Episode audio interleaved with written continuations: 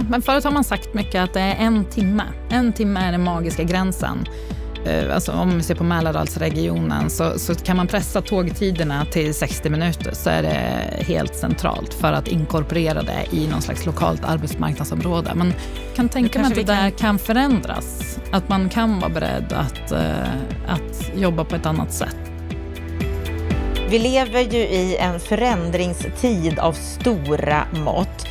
Klimatförändringar, digitalisering, socialt utanförskap och så just nu den här omvälvande pandemin som ju faktiskt tvingar oss till nya arbetssätt, till nya förhållningssätt.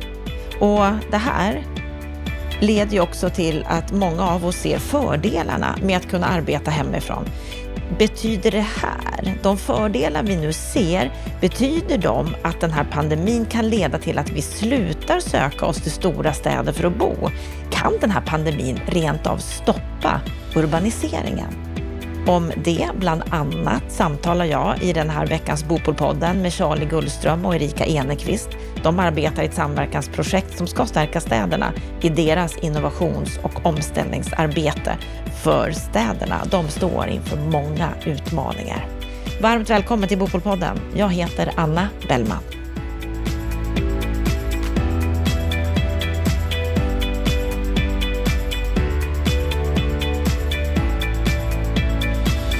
Då har det blivit dags här i Bopolpodden att analysera vad som har hänt på den bostadspolitiska arenan under veckan. Stefan Attefall, vår expertkommentator. Vad jag förstår så ska vi börja och prata om trångboddheten. Går mm. den att bygga bort? Ja, det var nyheter i Stockholms, Sveriges Televisions Stockholmsredaktion som har tagit fram statistik över att trångboddheten nu ökar. Och det här har ju också påpekats i samband med coronasmittan, det vill säga att eh, det smittar ju lättare när man bor tätt och kanske över generationsgränser och så. Och det ser vissa utsatta områden och Botkyrka låg här då i topp bland Stockholmskommunerna och även Södertälje och andra orter. Eh, så att eh, det här är ett växande problem med trångboddhet. Det är en ny social dimension i, i, i faktiskt problemen på bostadsmarknaden. Och då hade ju just Mika Nilsson, expert på Boverket, eh, uttalat sig och han tog upp den här klassiska diskussionen, går det att bygga bort trångboddheten? Och eh, svaret är väl Ja och nej. Ja i meningen det underlättar ju med fler bostäder. Men den här gruppen människor, de behöver man speciella åtgärder för. Det hjälper inte att bygga nya hus. Oavsett om det är hyreshus eller att... andra hus. Nej, och vad säger de att man ska göra då istället? Ja, vi måste ju hitta bostadssociala verktyg som hjälper den här gruppen människor att kunna efterfråga en bostad som är större och bättre anpassad. Eh, det är det det sitter i. Och så att, eh, Eh, och det är väl det som vi kommer tillbaka till när vi ska prata om en utredning som också har lanserats nyligen.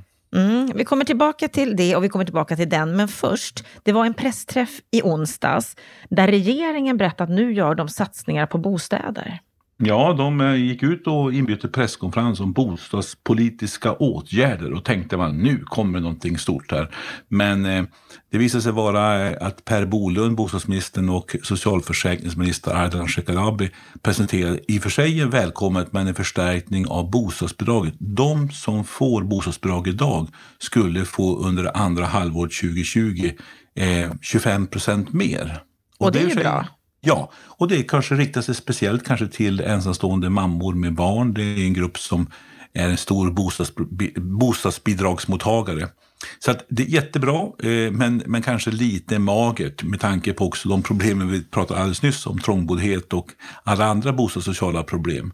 Ja, du tycker inte att det var riktigt tillräckligt? Nej, och kom ihåg också att skulle de här få förändrade inkomster, då kan man bli återbetalningsskyldig. Därför att bostadsbidraget baserar sig på hela årets inkomst, inte den månad du har ont om pengar, utan vad blir snittet för året? Och det här är ett eh, problem med hela systemet. Nej, ett radikalare grepp om bostadsbidragen så att man höjer dem och eh, ger dem ett reellt innehåll. För det är ett bra bostadssocialt verktyg, men ett lite bättre och större grepp och mer långsiktigt. Inte bara en tillfällig lösning, det hade jag förväntat mig. Mm. Då kommer vi till detta med den nya utredningen som handlar om socialt hållbar bostadsförsörjning som Carolina Skog ska leda. Vad är det här för ny utredning? Ja, det är ju en socialt hållbar bostadsförsörjning är rubriken och hon ska hålla på till eh, november nästa år. Och eh, Skog är ju den tidigare kortvariga miljöministern som kom in efter att Åsa Romson lämnade regeringen. Miljöpartist från Malmö var stadsbyggnadsborgarråd där om man får översätta till Stockholmstermer. Eh, men eh, har, är, har nu rollen som ekonomisk talesman för Miljöpartiet i riksdagen.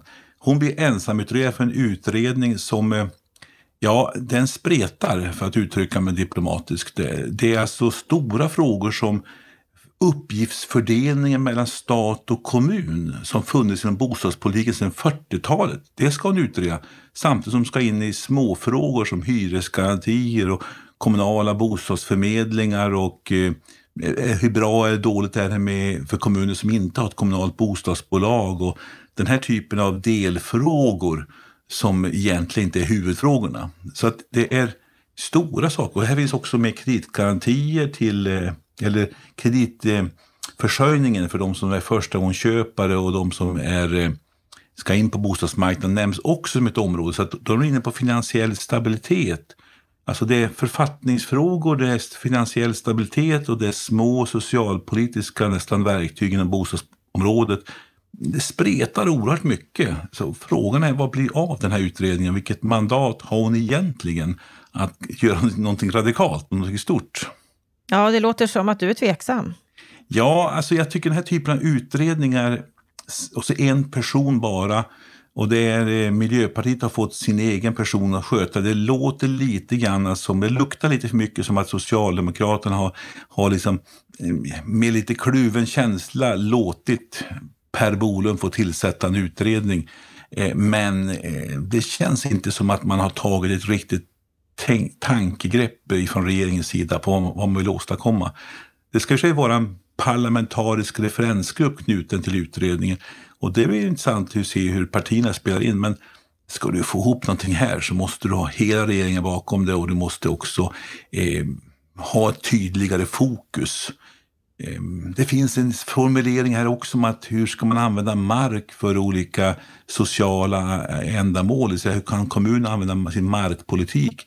Och då luktar en idé från Göteborg där man börjar laborera med någon slags bakvägs, alltså införa social housing bakvägen där man på vissa områden skulle få sätta hyrorna under bruksvärdet. På andra områden skulle fastighetsägaren få liksom ta rejält betalt och på tredje området skulle man kanske kunna göra eh, bostadsrätter och så skulle det bli en vettig kalkyl för fastighetsägaren totalt sett, den som investerar. Men det luckrar ju upp också vår traditionella hyressättningsmodell. Så att Ja, det, det, det, det, finns mycket att undra över det tar vägen och jag tror säkert att Karolina Skog har höga ambitioner och vill göra ett bra jobb men, men frågan är bara, får hon göra ett bra jobb och vilka verktyg får hon och hur kommer sekretariatet se ut? Här krävs det folk med oerhört mycket kompetens. Har man den, de resurserna? Eh, ja, jag, jag har en viss frågetecken i luften för den här utredningens eh, framgång. Vi brukar ju prata om begreppet symbolpolitik. Kan det här vara någonting sånt, att man visar att vi vill någonting, vi vill göra något, men... Politik är ju mycket symboler och i den meningen har du rätt. Men jag tror nog att det finns, en, alltså jag tror att det finns ett sökande. Man, man, man har insett att vi behöver hitta mer verktyg. Men det låter som att man har plockat ihop en massa olika frågor och, och skickat på en utredning utan att ha själv tänkt igenom vad vill vi med det här egentligen. Ehm, och, och, det gör ju att i, i den bästa världar så finns en öppenhet som Karolina Skog kan fylla. I den sämsta världen så kommer det här bli bara en pappersprodukt som inte leder någonstans. Mm, och det kommer vi att få följa. Ett och ett halvt år har hon ju på sig med mm. den här utredningen. Och då, ska, kan man, och då kan man ju lämpligen också skjuta många frågor till sig. Ja, det sitter en utredare och tittar på det här. Så att man slipper kanske svara på så många svåra politiska frågor just nu då. Och då kommer nästa fråga, då, kommer vi inte att se några egentliga skillnader eller några andra förslag på ett och ett halvt års tid? Ja, det är en bra fråga. Mm, nästa. Mm, det får vi se. Vi tar nästa fråga. Och vi avslutar veckans Aktuellt med att berätta att Heimstaden, där ju du, Stefan, sitter i styrelsen, där har man valt att, att toppa styrelsen ytterligare ja. med Nordeas före detta chef Kasper von Koskull som ordförande. Ja, just det.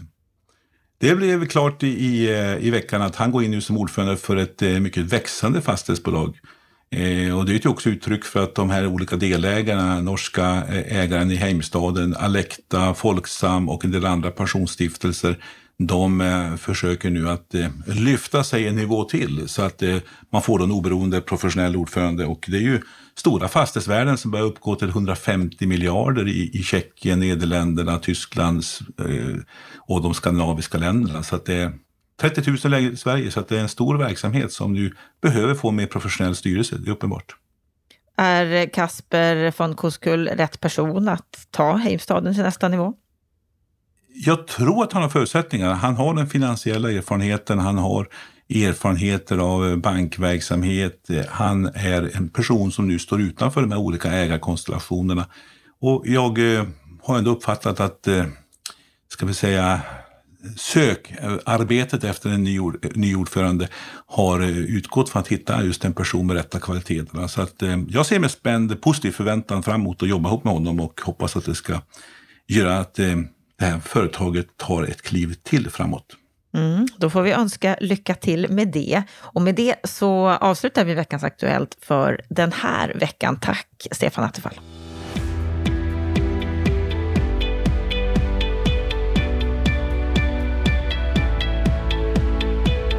Klimatförändringar, digitalisering, socialt utanförskap och just nu en omvälvande pandemi som skapar kris på olika sätt och för så många.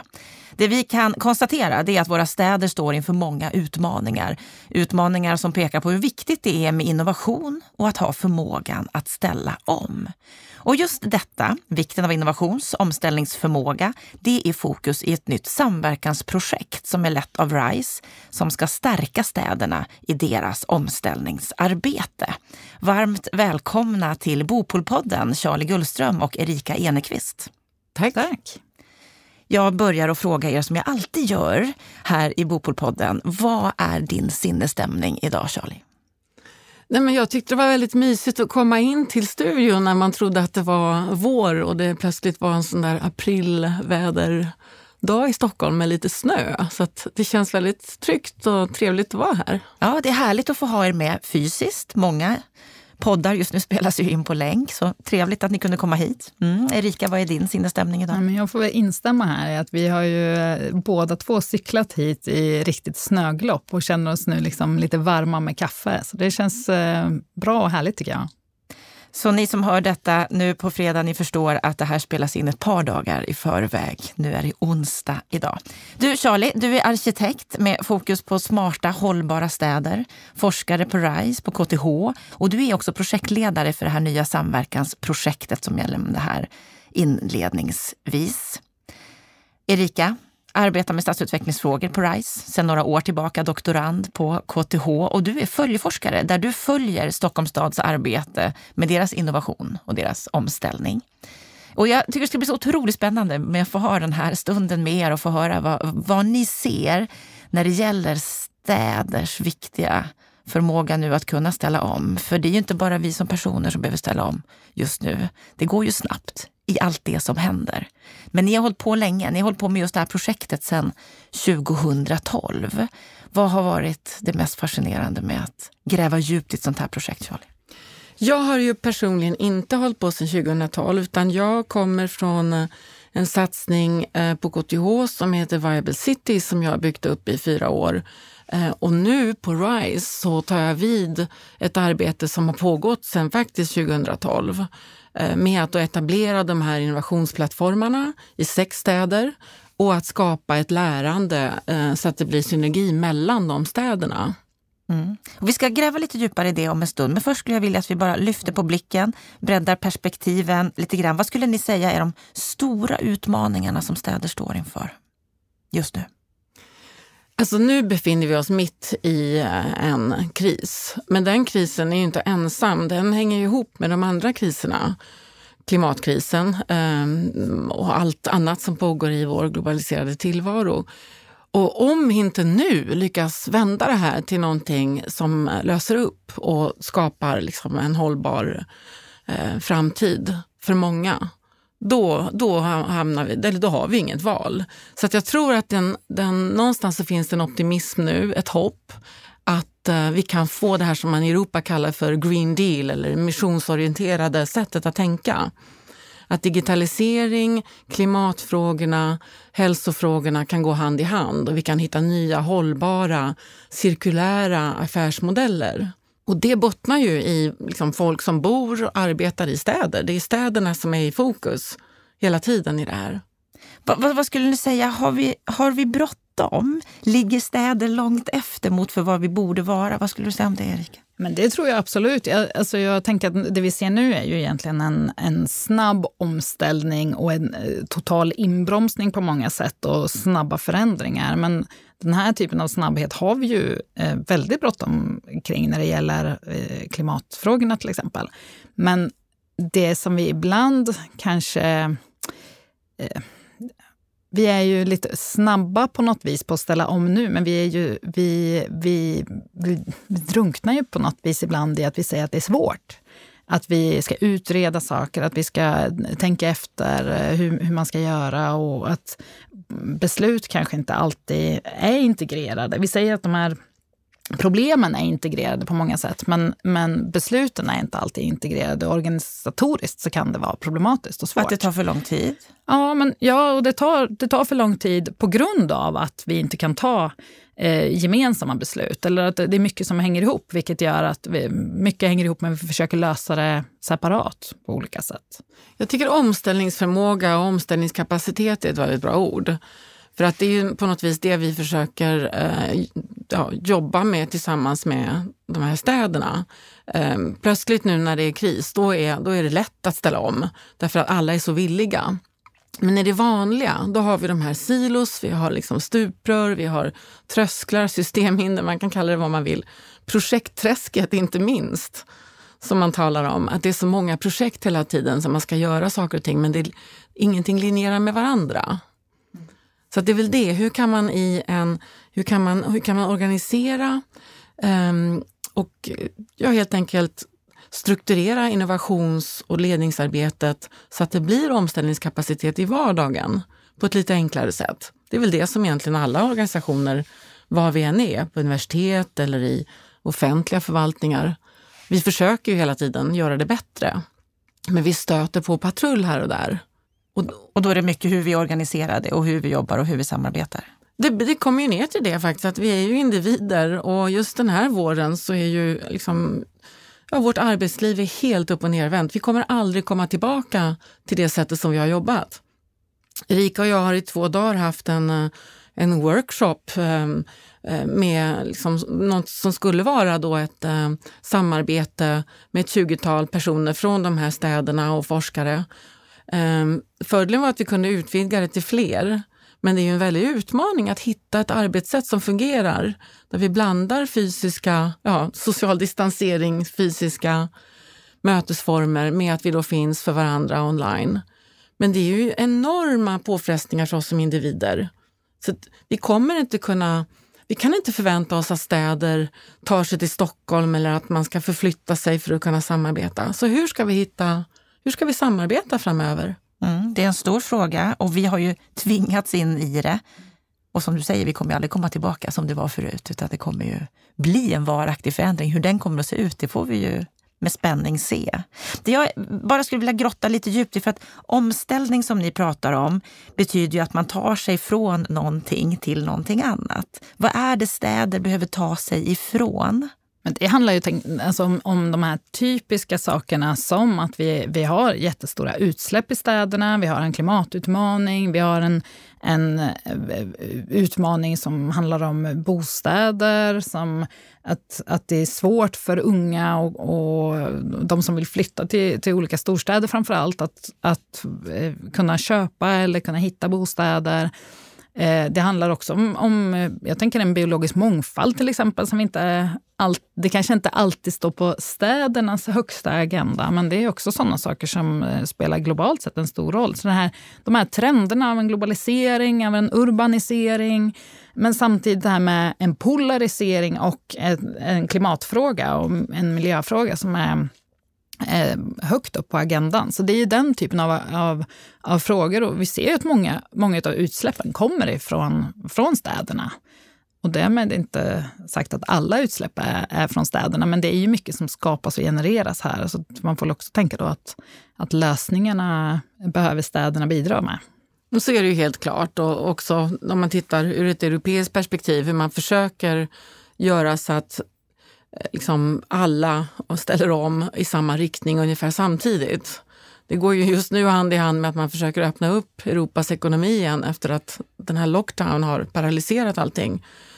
Om man nu kan linjera det här så att frågorna hänger ihop, då, då, finns, det ju, då finns det ju ett sätt att, att titta på städerna som väldigt viktiga noder där ekonomin liksom nu, eh, en grön ekonomi kan bli drivande Eh, för någonting som, som blir hållbara liksom affärslösningar. Jag tänker också på något som, som är spännande i det här som jag var inne på med kris, kriserna och utmaningarna och att vi är beredda att lösa saker om man liksom går in i krisorganisationer. Och det som är spännande att titta på är ju att när vi kliver ur den här krisen sen, den liksom mest akuta, vad, vad kan vi ta med oss av det här snabba? Alltså, om vi tittar på eh, sjukvårdens omställning, vad finns det där som, som är är bra och som vi kan ta med om vi tittar på olika typer av eh, handläggningsprocesser. Vad finns det där som, som kan gå bra? Jag tycker att man kan dra paralleller till migrationsvågen 2015. Där. Att det var också en form av kris som ställ, var väldigt mycket utmaningar för kommuner till exempel och för myndigheter. Och att då försöka se vad är det som, som funkar bra att göra på andra sätt? Vad kan vi ta med oss från det och hur kan vi förändra våra processer internt? Det tror jag är viktigt att tänka framåt. Och inte minst, hur kan andra då lära av det där? För att det vi har märkt är ju att det finns ju lösningar på saker i en stad som en annan stad inte liksom riktigt känner till. Och vi har ju 290 kommuner drygt i Sverige så att vi måste ju liksom hitta former för hur vi kan lära och replikera bättre, sånt som faktiskt funkar. Att lära av varandra? Att lära av varandra. Vi liksom, det hänger ihop med det här att det, är väldigt mycket projekt som pågår parallellt och det är, svårt att, det är svårt att veta vad som faktiskt angår oss och vad vi kan ta med oss. Och här, kan, kan digitaliseringen hjälpa till här? Ja, men det har vi sagt i väldigt många år, eller hur? Vi har ju, det jag tror är att vi har jobbat med omställning i liksom flera parallella led.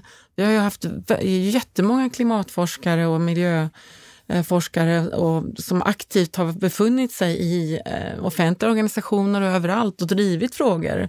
Liksom att du har digitaliseringsomställningen som pågår. Men vi måste läka ihop de här. Så att givetvis så kan digitalisering hjälpa, inte minst att synliggöra eh, sånt som pågår i olika delar av landet.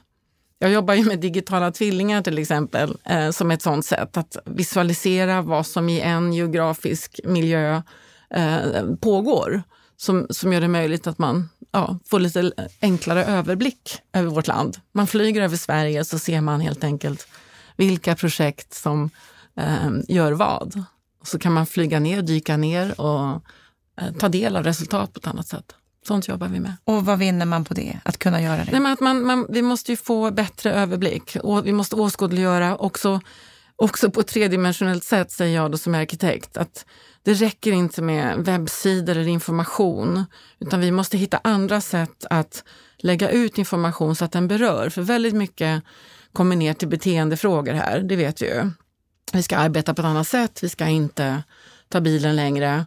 Eh, Paris borgmästare säger att det finns inte en chans att ni kommer få gå tillbaka till det arbetssätt ni har haft. Och hon rullar ut liksom flera mil av cykelvägar långt ut i förorterna för att ersätta pendlarna pendeltågen kanske man ska säga, inte pendlarna. och varför gör hon det? Ja, men därför att det, det krävs rejäla tag så att vi får lust att ändra våra beteenden. Det är faktiskt många som är ute och cyklar nu. Och i Sverige har vi det hela tiden, men att den att, att den, den, man måste reglera det, man måste göra ändringar som, um, som kanske är liksom på det kommunala planet en ändring. eh, som, som, som då en borgmästare i Paris kan göra. Men när vi talar om uppskalning och replikerbarhet och standardiseringsproblematiken så handlar det om att ett helt land eller en region. Och det är det som vi tar tag i då det här, i tredje och sista fasen av det här projektet, Natsam, som ju står för då nationell samverkan mellan innovationsplattformar för hållbara, attraktiva städer. Långt härligt ord. Det är så långt så att vi säger Natsam nu. Eh, men, och då är det den här, säga, att titta vertikalt eh, på liksom, hur, hur man påverkar egentligen innovationsekosystemet i stort i Sverige. Och det jobbar man ju väldigt mycket med uppifrån och ner. Det jobbar ju regeringskansliet hela, alltså det är ju, det är ju vad, vad man jobbar med helt enkelt. Hur ska Sverige som nation bättre förhålla sig till Och då behöver man kunna visualisera det på ett bättre sätt. Ja, men man behöver också jobba, det jag skulle komma till är att, att det, vi, det vi har saknat lite är den, den kommunala rösten i det här innovationsekosystemet. För kommunerna har, kommun, kom, den kommunala rådigheten når ganska långt. Så att det, liksom, det är inte säkert att det är i kommunerna som, som det finns systemhinder som måste knäckas. De kanske har löst väldigt mycket, men man vill lära av varandra. Man ska inte börja om på ett nytt blad varje gång. Men uppåt i systemet så, att säga, så finns det ju också brott och länkar mellan det liksom kommunala, regionala och nationella. Så den här slags policyutvecklingsfrågor skulle vi vilja bidra i det här projektet genom att få den förstärka den kommunala rösten uppåt i systemet hela vägen ut i Europa egentligen. För det är det som Europa sätter fokus på när man säger mission klimatneutrala städer 2030 eller vi måste få ett mer inkluderande samhälle med ett tydligt mål. Att de, man, man tar med sig städerna hela vägen ut. Så att Europa består av städer. Det är inte gränser och länder utan det är faktiskt citizens, liksom, boende, boende i, i stadsmiljöer och, och mindre samhällen som ska engageras i beteendeförändringar. Det är så komplext, Anna. Det är... Mm, ja, det är komplext. Du ser att jag sitter här och ser nästan lite, lite förundrad ut över, över det här. Men om jag ska försöka tolka dig så är det så att vi ska inte bara se landet som sådant. Vi måste se, ska vi få förändringar i beteenden, då måste vi gå på städerna. Ja, vi måste ner till människor mm. i människors vardag. Mm. Och de bor i städer, sett, de flesta. De här, de här månaderna har vi sett våra vardagsmiljöer mycket mer. Det handlar om att liksom, vi ska ta oss till jobbet och nu är jobbet på ett annat sätt. Så vi måste liksom tänka om väldigt många av de här strukturerna som hittills har varit att vi pendlar samtidigt. Då behöver vi en eh, förbifart Ehm, Men något som jag tycker är intressant, här, innan vi, vi, tittar lite mer på ert projekt och, och, vad ni ska komma fram till, så måste jag bara få ställa en fråga. Det är det här med urbanisering som du var inne på Erika, att det är ju en, en stor trend som vi har pratat om i många år nu, att fler och fler flyttar till städer. Men i och med det som händer nu med pandemin, att vi inser att vi kan ju jobba jättebra där vi är. Vi behöver ju inte vara på samma plats längre, vi kan ju mötas digitalt. Kommer urbaniseringen ändå att fortsätta? Kommer vi fortsätta att söka oss till samma platser? Vad tror ni om det här? Det här tycker jag det är ju spännande. För det är ju, eh, till en början så, så har nog jag tänkt så här, nej men det kommer nog att fortsätta i någon slags eh, evighet ungefär. Ehm, men jag tror ju och, eh, att det här, de här liksom storstadsregionerna kan nog växa ytterligare med alltså det, här med att man, man kan jobba, man kan jobba digitaliserat, man, eh, vi, vi hittar andra tekniker. Men jag tror ändå inte på den här eh, förändringen i, i att det, man flyttar till glesbygd, utan man kanske vill till, till kontoret eller man vill till den urbana området. I alla fall. Ja, men kanske två gånger i veckan. Eller någonting sånt. Vilket gör att det blir en, det är inte varje dag pendlingen, men det är närheten till. Vilket innebär att du kanske kan tänka dig en, en lite längre sträcka. Så om man sträcka. säger glesbygden utanför Stockholm, där, den kan växa? Ja, den tror jag absolut. Alltså, och utanför Göteborg och utanför... Alltså det, det all, alla städers omland kan jag tänka mig växer. Eh, men därmed inte sagt att man är beredd att lämna städer eller flytta till andra städer för, eh, med, med större distans. Mm. Men det är ju någon slags gissning. Det vi, vi vet ju inte riktigt vad som pågår där. För egentligen har vi ju haft det där ett tag. Vi har ju liksom hela Mälardalen som en arbetspendlarregion eller vad man brukar säga. Ja, men förut har man sagt mycket att det är en timme. En timme är den magiska gränsen eh, för alltså om vi ser på Mälardalsregionen, så, så kan man pressa tågtiderna till 60 minuter så är det helt centralt för att inkorporera det i någon slags lokalt arbetsmarknadsområde. Men, eh, Men jag kan tänka mig att det kan- där kan förändras. Att man kan vara beredd att, eh, att jobba på ett annat sätt. Och nu när man framöver. tänker att man också kan jobba kanske mer effektivt medan man transporterar sig. Ja. Kan man tillåta sig längre transporter? Det är spännande. Vi Och kanske att man söker staden för någonting annat. Alltså, inte bara för att åka till kontoret utan eh, för andra saker som är mer kvalitet i det man söker i det urbana i så fall. Men vi får inte heller glömma att det urbana finns i det lilla samhället också. Att Det finns liksom små samhällen som kanske har saknat någonting av en liksom, liten stadskärna. Och, och, och, och nu kanske den har fått det, för nu har folk rört på sig lite mindre. Så att om man kan passa på att förstärka det lilla lokalsamhället, eh, det tror jag skulle vara en väldigt stor effekt och minska, minska liksom, persontransporter. Och, Så att den här avbefolkningen som vi har sett i många delar av landet, den kanske kan stoppas upp nu, eller vad tror ni? Ja, det behövs ju en puff eh, för att det ska bli så. Eh, Men jag, jag tror faktiskt att många, många tycker att det är viktigt att det, att det lokala fungerar. Men det vi inte vill är ju liksom en inskränkning. Jag tror nu har, under den här perioden har man ju känt att man inte får, och i Europa är det ju naturligtvis mycket, mycket värre, men att man inte får förflytta sig. Det är otäckt. Att man kan när man vill och kan strunta i det, tror jag är en annan sak. Ehm, men kan vi locka liksom till, och, och framförallt, så, det handlar ju inte om, om att tekniken ska vara liksom bättre i sig. Det handlar ju om hur vi använder. Beteendeförändringen Ja, i sig. Mm. Så att vi måste ju fortsätta ställa krav naturligtvis på mjukvarorna som, och, på, och vi måste skaffa sk- fler skärmar i våra hem om vi ska jobba. För att annars har vi ju sådana begränsningar i liksom formatet och allt sånt. Men Mm, Hittar vi arbetssätt. Mm. liksom, och kan kombinera så tror jag att många har lärt sig nu att nej men, den där typen av möten den tar jag när jag promenerar. Och den typen av möten, då vill jag faktiskt ha en stor skärm, samarbetsyta, eh, liksom separerad från det och jag vill ha kameran igång och jag vill se de andra. Så det, får, det får inte bli en slentrian i det här nu. Då, för, för då måste man sätta sig på tåget eller ta bilen igen till jobbet för att man inte det är ju det, liksom, eh, vi, vi vill ju ha den här eh, hundraprocentiga närvarokänslan. Och den kan vi aldrig få. Men vi kan få någonting som är tillräckligt bra. vi kommer ju utveckla det successivt Vi kommer hela tiden. det. Ja. Om vi tittar nu på ert, om vi, om vi tittar lite mer nu djupt här nu på ert projekt som ni jobbar med. Som själva projektet har varit igång sedan 2012, sponsrat av Vinnova, eh, har gått in i sin sista fas här nu. Där ni följer sex städer, Lund, Göteborg, Borås, Stockholm, Umeå och Kiruna. För att titta på hur de kan samarbeta för att höja sin innovations och omställningsförmåga.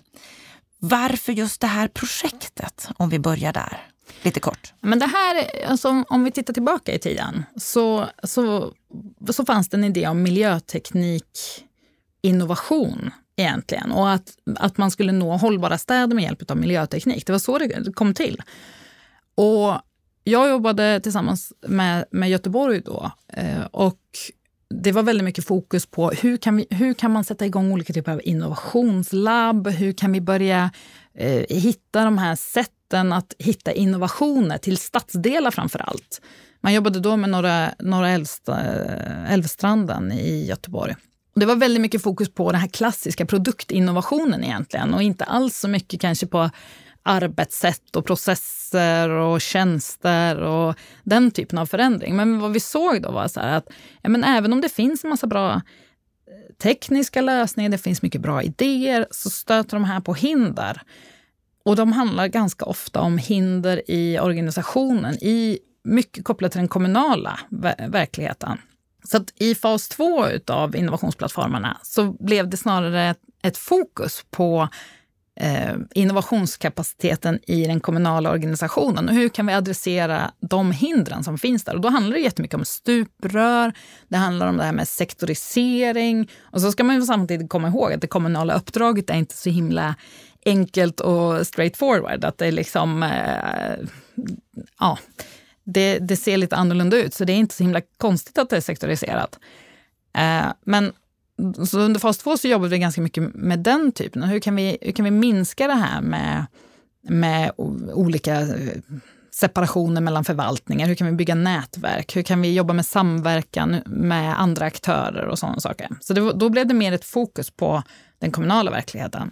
Och nu i fas 3, då handlar det om att institutionalisera det här. Att inte, inte se det som ett projekt egentligen, utan att gå från, från eh, den här projekttanken till att faktiskt implementera i kommunerna. Så att det, de, den delen som, som Charlie pratar om, det som vi kallar för Natsam, det är den här nationella samordningen. Men var och en av städerna har ju ett eget projekt som går ut på att ta allt man har lärt sig under de, de första två faserna och implementera det. Och då, då, då blir pengarna som kommer från Vinnova blir ganska lite här under de sista två åren för att man då tänker att här ska kommunerna ha byggt upp den här kapaciteten själv. Sen finns det lite pengar för att vi ska kunna följa det, då, vilket jag, jag gör. Och vad är det man för hoppas åstadkomma då? Så att 2023, vart befinner sig de här sex städerna då? Men då, då vill man att eh, de här, det här arbetet kring en ökad innovationskapacitet ska förbättras. Och det, handlar, det handlar till viss del om sådana så här tråkiga saker. För man tänker att innovation är så... Det är ett slags magiskt koncept nästan. Det låter, vem kan vara emot innovation? Men det, det vi pratar om nu det är såna organisering och strukturer och ledarskap. Alltså hur kan vi förändra eh, organisationerna så att de bättre klarar av att jobba med innovation, så de bättre klarar av att jobba med samverkan med, med akademi och med näringsliv och den typen. Och, och tanken är att 2023 så ska det här vara eh, inarbetat i kommunens organisation. Då är det arbetssätt du pratar om, mm. förmågan att kunna jobba med innovation, inte innovationen i sig. Nej, Precis, så det handlar, resultatet ska inte vara att det kommer ut en massa innovationer. Eh, så, det behöver det inte vara. Sen kan vi, har vi sett exempel på eh, organisatoriska innovationer som kommer fram ur de här. Borås har utvecklat ett, en, en helt eh, ny metod för att som de kallar för projektstudion, för att undvika det här med stuprör till exempel. Frågor som ingen löser ut. Hur ska vi jobba med dem? Så det är ju en typ av arbetsmetod, en innovation i organisationen som har kommit som ett resultat av deras innovationsplattform. Och varför är det just de här sex städerna som, som är med i det här arbetet och projektet? Det började väl med att det var inte exakt de här städerna. Umeå har ju faktiskt blivit en innovationsplattform precis nu i vår, så att, eh, grattis till Umeå. Ehm, men det är väl städer som har visat framfötterna och velat gå in liksom i det här. Så det har varit lite frivilligt? Att man ja, oh ja, oh ja det, vi, vi vet ju att det finns ju flera städer, vi jobbar ju med många andra städer som på något sätt ska kunna haka på det här arbetet. För att, för att lägga till det som eh, Erika sa här så kan man säga att eh, de här, de här städerna nu under fas 2, de har ju ganska tydligt också sagt att det finns även saker som inte ligger, det är inte, det är inte hos oss problemet är. Utan nu vill vi liksom gå till verkstad eller vi vill liksom få det här uträttat på högre, på högre ort om man säger. Så det, och det är det som vi då eh, verkligen tar tag i nu. Att vi kallar det för dialogverkstad, någonting som vi inrättar så att eh, eh frågor som man inte kan lösa eh, inom lokal policy eller eh, rådighet kan man då sätta samman aktörer eh, nationellt eller regionalt eh, placerade personer helt enkelt eller organisationer som skulle kunna tackla den här typen av frågor. Det är en sak vi gör. Den andra som jag tycker är en väldigt viktig, unik liksom, tanke med innovationsplattformarna är just det här att vi har följeforskare då. Erika ett exempel, alltså att man faktiskt sedan 2013 följer det här arbetet. Det är en unik form av forskning som vi inte har så mycket av Ja, du säger att den är unik för Sverige? Ja, den, det är alltså longitudinell forskning finns ju lite här och där men forskningsprojekt är ofta korta och här är ändå en satsning som pågår under lång tid. Sen kan det komma doktorander och gå, de blir klara så småningom. Men i Sverige så finns det nu en vilja att satsa på eh, kommundoktorander och professionsdoktorander som man säger. Alltså ett samarbete mellan akademin, högskolorna och kommunerna egentligen. Offentligt, ja. För offent att det ska hålla längre tid? Ja, men också att för att få, för att få korn på det här praktiknära lärandet. Alltså det är en kunskap som bottnar i hur man organiserar innovation i offentlig sektor. Alltså hur kommunerna jobbar med de här frågorna. Det är ju det som Erika studerar, hon försöker få korn på det. Och det är rätt så unikt att vi har den typen av forskning. Det skulle vi kunna ha i fler städer, så att det pågår nu ett då en, en dialog mellan RISE och Formas och de andra forskningsfinansiärerna och högskolorna om hur vi kan ut, utveckla det här till ett program i Sverige. Och det tycker jag är jättespännande. För då, då, då får vi så att säga det kan, ju, det kan ju betyda att det finns eh, politiker eller tjänstemän i kommunerna som är intresserade av att fördjupa vissa metoder, arbetssätt, så att andra kan, kan eh, anamma dem. För det, det här det... är något som har funnits under all tid tillsammans med industrin. Alltså, så jag, jag kallas ju för industridoktorand för att jag är anställd på RISE. Eh, men, men det här är ju något som finns framförallt mellan de, de tekniska högskolorna och industrin, har funnits under lång tid. Men, men det här med kommundoktorander har, finns det ju exempel på, men det är inte alls lika vanligt och man, man har inte det utarbetat på samma sätt. Om jag då får fråga dig, Erika, du som är, du har både en bakgrund från Göteborg, nu, nu följer du Stockholms stad. Skiljer det sig mycket mellan städer på deras förmåga att ställa om?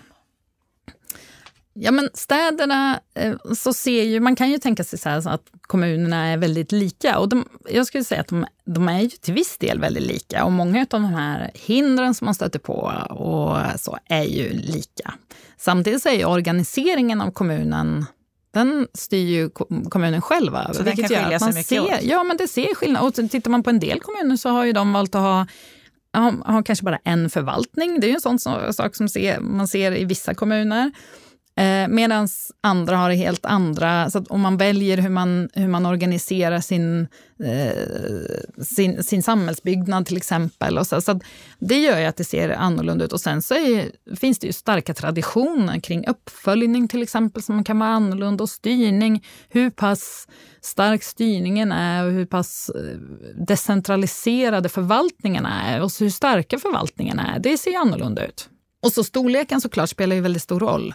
Så i, har du alla, alla som arbetar eh, med samhällsbyggnadsfrågor sitter i ett och samma hus. De, man, kan, man, kan, man kan gå och prata med, med personer över förvaltningsgränserna på ett lätt sätt, eller man fikar tillsammans. Så, så, så är det annorlunda. Och där, där är ju både Göteborg och Stockholm väldigt stora. Och, och det, det ni kommer att komma fram till nu de här tre sista åren, kommer, kommer alla städer, kommuner kunna anamma det? Alltså, det är egentligen vårt uppdrag att hitta en form av uppskalning så att fler kommuner kan, kan bli en del av det här. Ehm, vi lägger grunden till en arena för lärande, försöker vi då säga. Men för det är ju det är verkligen viktigt att trycka på att varje stad eh, liksom, det har en egen liten kultur. Alltså det, det går inte bara att rulla ut saker över vårt land. Men det finns ju vissa, inte minst om vi pratar om digitalisering, så finns det ju visst behov av att liksom, lägga en digital infrastruktur och göra det enkelt, inte minst för tjänster, att kunna flytta runt eh, mellan olika städer. Vi får ju inte skapa inlåsningseffekter nu när vi blir duktiga på eh, digitalisering. Det är en fälla. Men, men så att lärandet kopplat till uppskalning och replikering som vi säger, att just kunna ta det här eh, projektstudio som har kommit fram som ett väldigt bra arbetssätt. I princip så låser man in folk eh, eh, från olika förvaltningar för att knäcka en nöt som eh, inte en kan eh, knäcka. Eh, och det låter ju enkelt, men det är inte enkelt. Men hur kan en sån metod anpassas så att en annan kommun kan använda den? Ja, men det låter ju som att man bara skulle kunna skicka ut den då.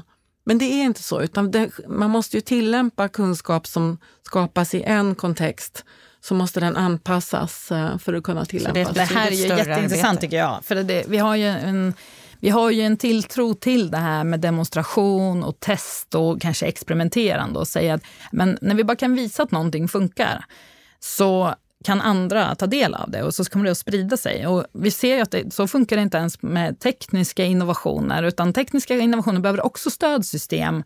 Det sprider sig inte från, från en plats till en annan hur som helst eller mellan olika marknadsaktörer eller så. Utan där krävs också en struktur och ett ledarskap och en kultur för att främja det. Det är inte alltid de, det är inte alltid de bästa grejerna som säljs på marknaden sen, utan det finns andra mekanismer som gör att vi köper olika saker till exempel. Och det här är den liksom, klassiska produktinnovationen.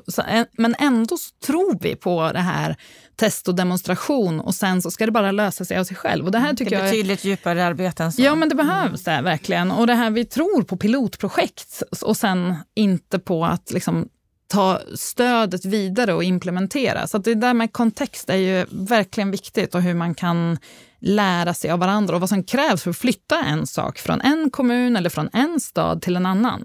Mm, det här känns som att vi skulle kunna prata om väldigt länge. Och det här måste vi prata om. Ja, vi, vi, skulle gärna vilja göra det. Vi får väl återkomma till det. Om vi ska försöka sammanfatta. Vad skulle ni säga är det viktigaste för städer generellt då för att kunna lyckas med innovation och med att kunna ställa om?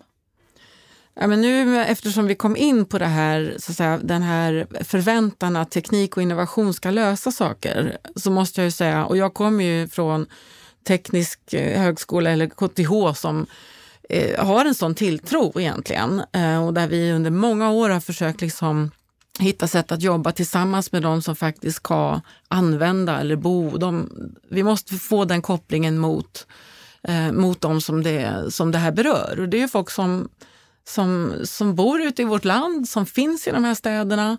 Och därför är det så spännande då att genom den här satsningen eh, på RISE kunna jobba ännu mer tillämpat ute i de här sammanhangen. Ehm, det är ju, jag tror att det är det som är viktigt, att vi får inte längre liksom jobba själva i våra projekt i, i stuprör, utan vi måste, vi måste tänka hela vägen runt. Det måste bli cirkulärt även för oss som driver projekten. Mm. Och vad är viktigt från politiskt håll för att våra städer ska lyckas ställa om? Att de finns med i det här, att vi lyckas intressera politiker för, eh, för de här exemplen som, eh, som vi har i projektet och eh, få dem engagerade i, våra, i vårt samtal tror jag. Jag tror lärandet från en kommun till en annan är något som är intressant för politiker. Jag tror ju att, eh, alltså jag tror väldigt mycket på ledarskapet i det här. Att, och då, då är det politiska ledarskapet väldigt viktigt tillsammans med eh, det övriga ledarskapet. Att, att inte bara tro på att saker rullar ut över sig själv, utan att faktiskt ställa krav på uppföljning och sen implementering. Och det, det, det, det hänger ihop med hur, hur eh, man kan lyckas eller inte. Ja, och detta att det, att det kan bli en innovationsstrategi, eh, det har vi ju sett som ett väldigt bra verktyg som, som verkar komma fram i, i svenska städer. Att det är kanske 20 procent av svenska städer som nu har en innovationsstrategi. Och då blir ju det ett verktyg eh, från topp all the way down. Och sen att man ser till att det finns folk som liksom kan eh, genomföra den så att det inte, man nöjer sig med liksom ett dokument. Nej, men precis, och då är vi där i hur man organiserar det här, att det finns eh, individer som har fått det mandatet och att det finns liksom, eh, ett nätverk för de individerna det är det vi skulle vilja tillhandahålla, så att det lärandet och det stödet, den synergin helt enkelt, blir eh, eh verksam i vårt land. Det var ju städerna, det, gillar, alltså det är ju en del det här, de här sex städerna, de, de har ju nytta av varandra också i att dela det här och lära sig av varandra. Och så så det här nätverkandet mellan städer är ju centralt. Mm, och om tre år då kommer det vara ännu mer utbrett.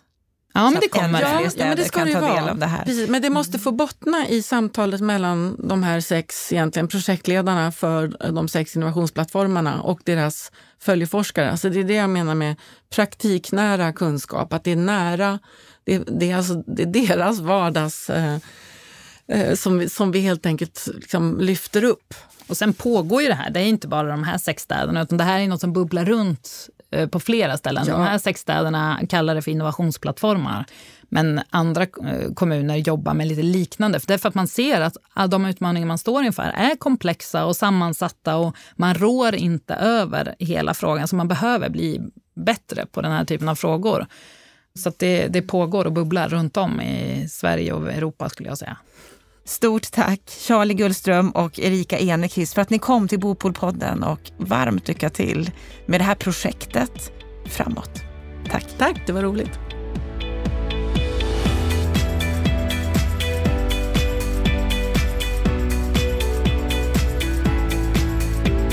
Då har vi hört samtalet om städers omställningsförmåga och vikten av det. Vad säger du Stefan Attefall om det här samtalet? Ja, det är ju en eh, intressant och viktig diskussion. Eh, att just eh, hur hittar man innovationsförmåga, omställningsförmåga, samverkan. Eh, det där är ju en 10 000 kronors fråga, lätt att eh, formulera men svår att besvara. Det handlar trots allt till syvende och sist om människorna i verksamheterna, hur villiga de är att eh, sträcka sig lite grann längre utanför sig själv, eh, bryta gränser, göra det som man kanske inte måste göra, utan man bör göra. Och eh, då handlar det också mycket självklart om vilket ledarskap det finns som, som sätter rätt kultur och rätt eh, uppmuntrat rätt beteende. Och där finns det säkert mycket att göra. Jag ser, ser många mindre lyckade exempel runt om i Sverige, men också lyckade självklart. Mm, och nu har vi ju ett exempel här på ett projekt som började redan 2012 som har tre år kvar. Blir det några verkliga skillnader av ett sånt här projekt? Vad tror du om det? Ja, så jag, jag, har, jag har ju...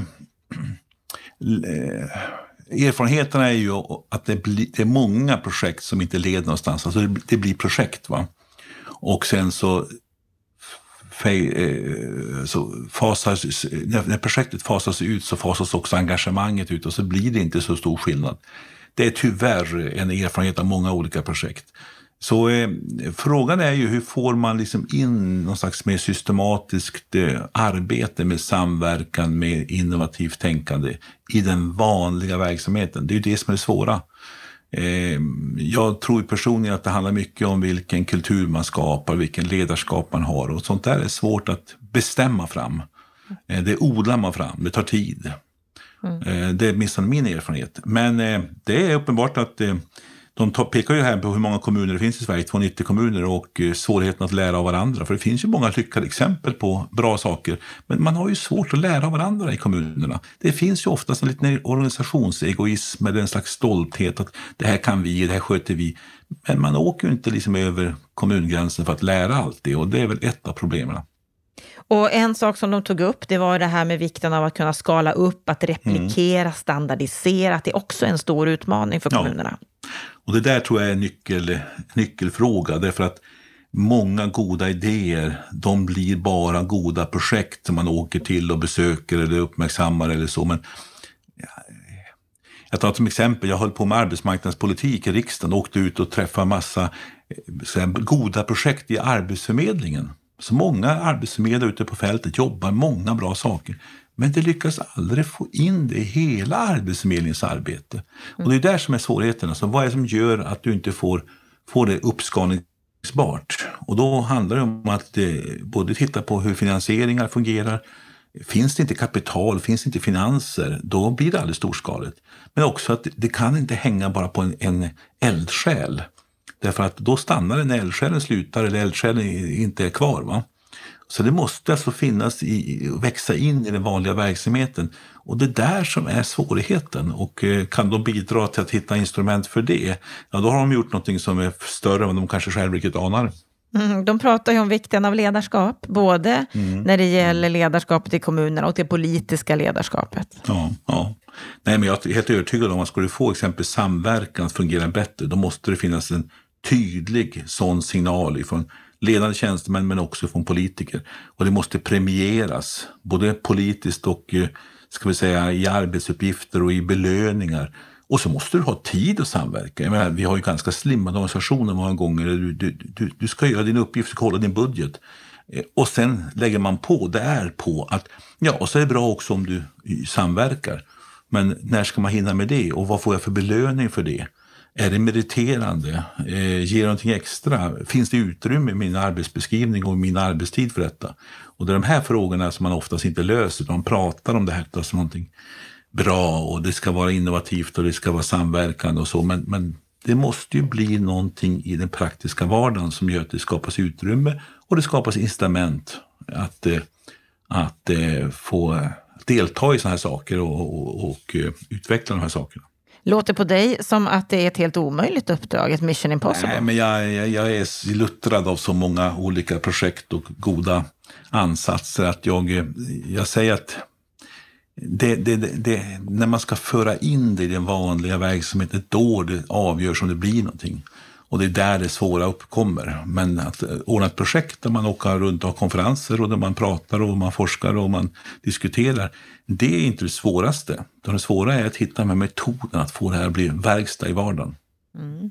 En eh, fråga som vi, som vi tog upp i det här samtalet som ju är väldigt intressant, det är ju vad pandemin nu kan åstadkomma när det gäller urbaniseringen. Om vi nu när vi förstår och märker att vi kan ju fungera och arbeta och mötas digitalt, vi behöver inte frakta oss till samma ställen, vi behöver kanske inte ens bo i städer. Kommer pandemin leda till att urbaniseringen kanske inte helt stoppas, men i alla fall saktas av? Vad tror du? Mm.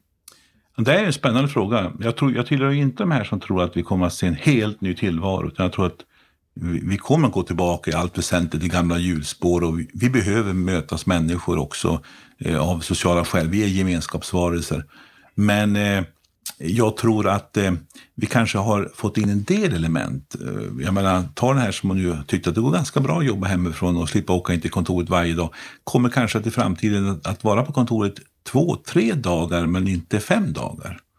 Så att i den meningen tror jag det kan finnas ett, eh, ett, ett förändrat beteende. Och, vi kommer och kan det också förändra vårt sätt att bo? Ja, och då, då kommer vi kunna bo längre ifrån arbetsplatsen därför att då blir inte pendlingstiden lika avgörande. Om jag åker tre dagar i veckan, då kanske jag sitter en halvtimme längre per gång på tåget eller bussen än vad jag kanske gjort i normalfallet. Så jag tror att på sånt sätt kan det påverka. Och vi har ju också utvecklat tekniskt kunnande och tekniska system för videomöten.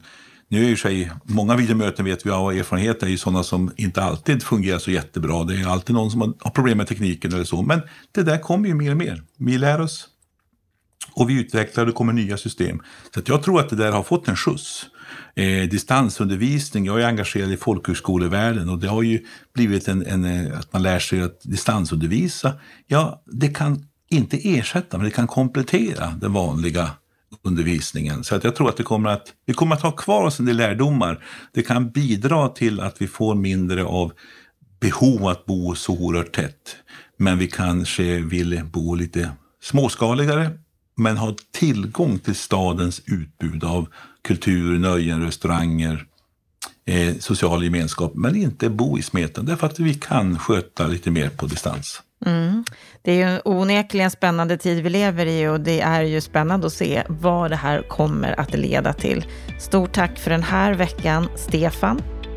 Det här var det vi hade ifrån Bopolpodden den här veckan. Jag hoppas att du gillade det du hörde och får du oerhört gärna sprida den här podden till fler. Och eh, glöm inte bort att gå in på bostadspolitik.se för där kan du fördjupa dig ytterligare i fler artiklar, kröniker, rapporter, fördjupningar.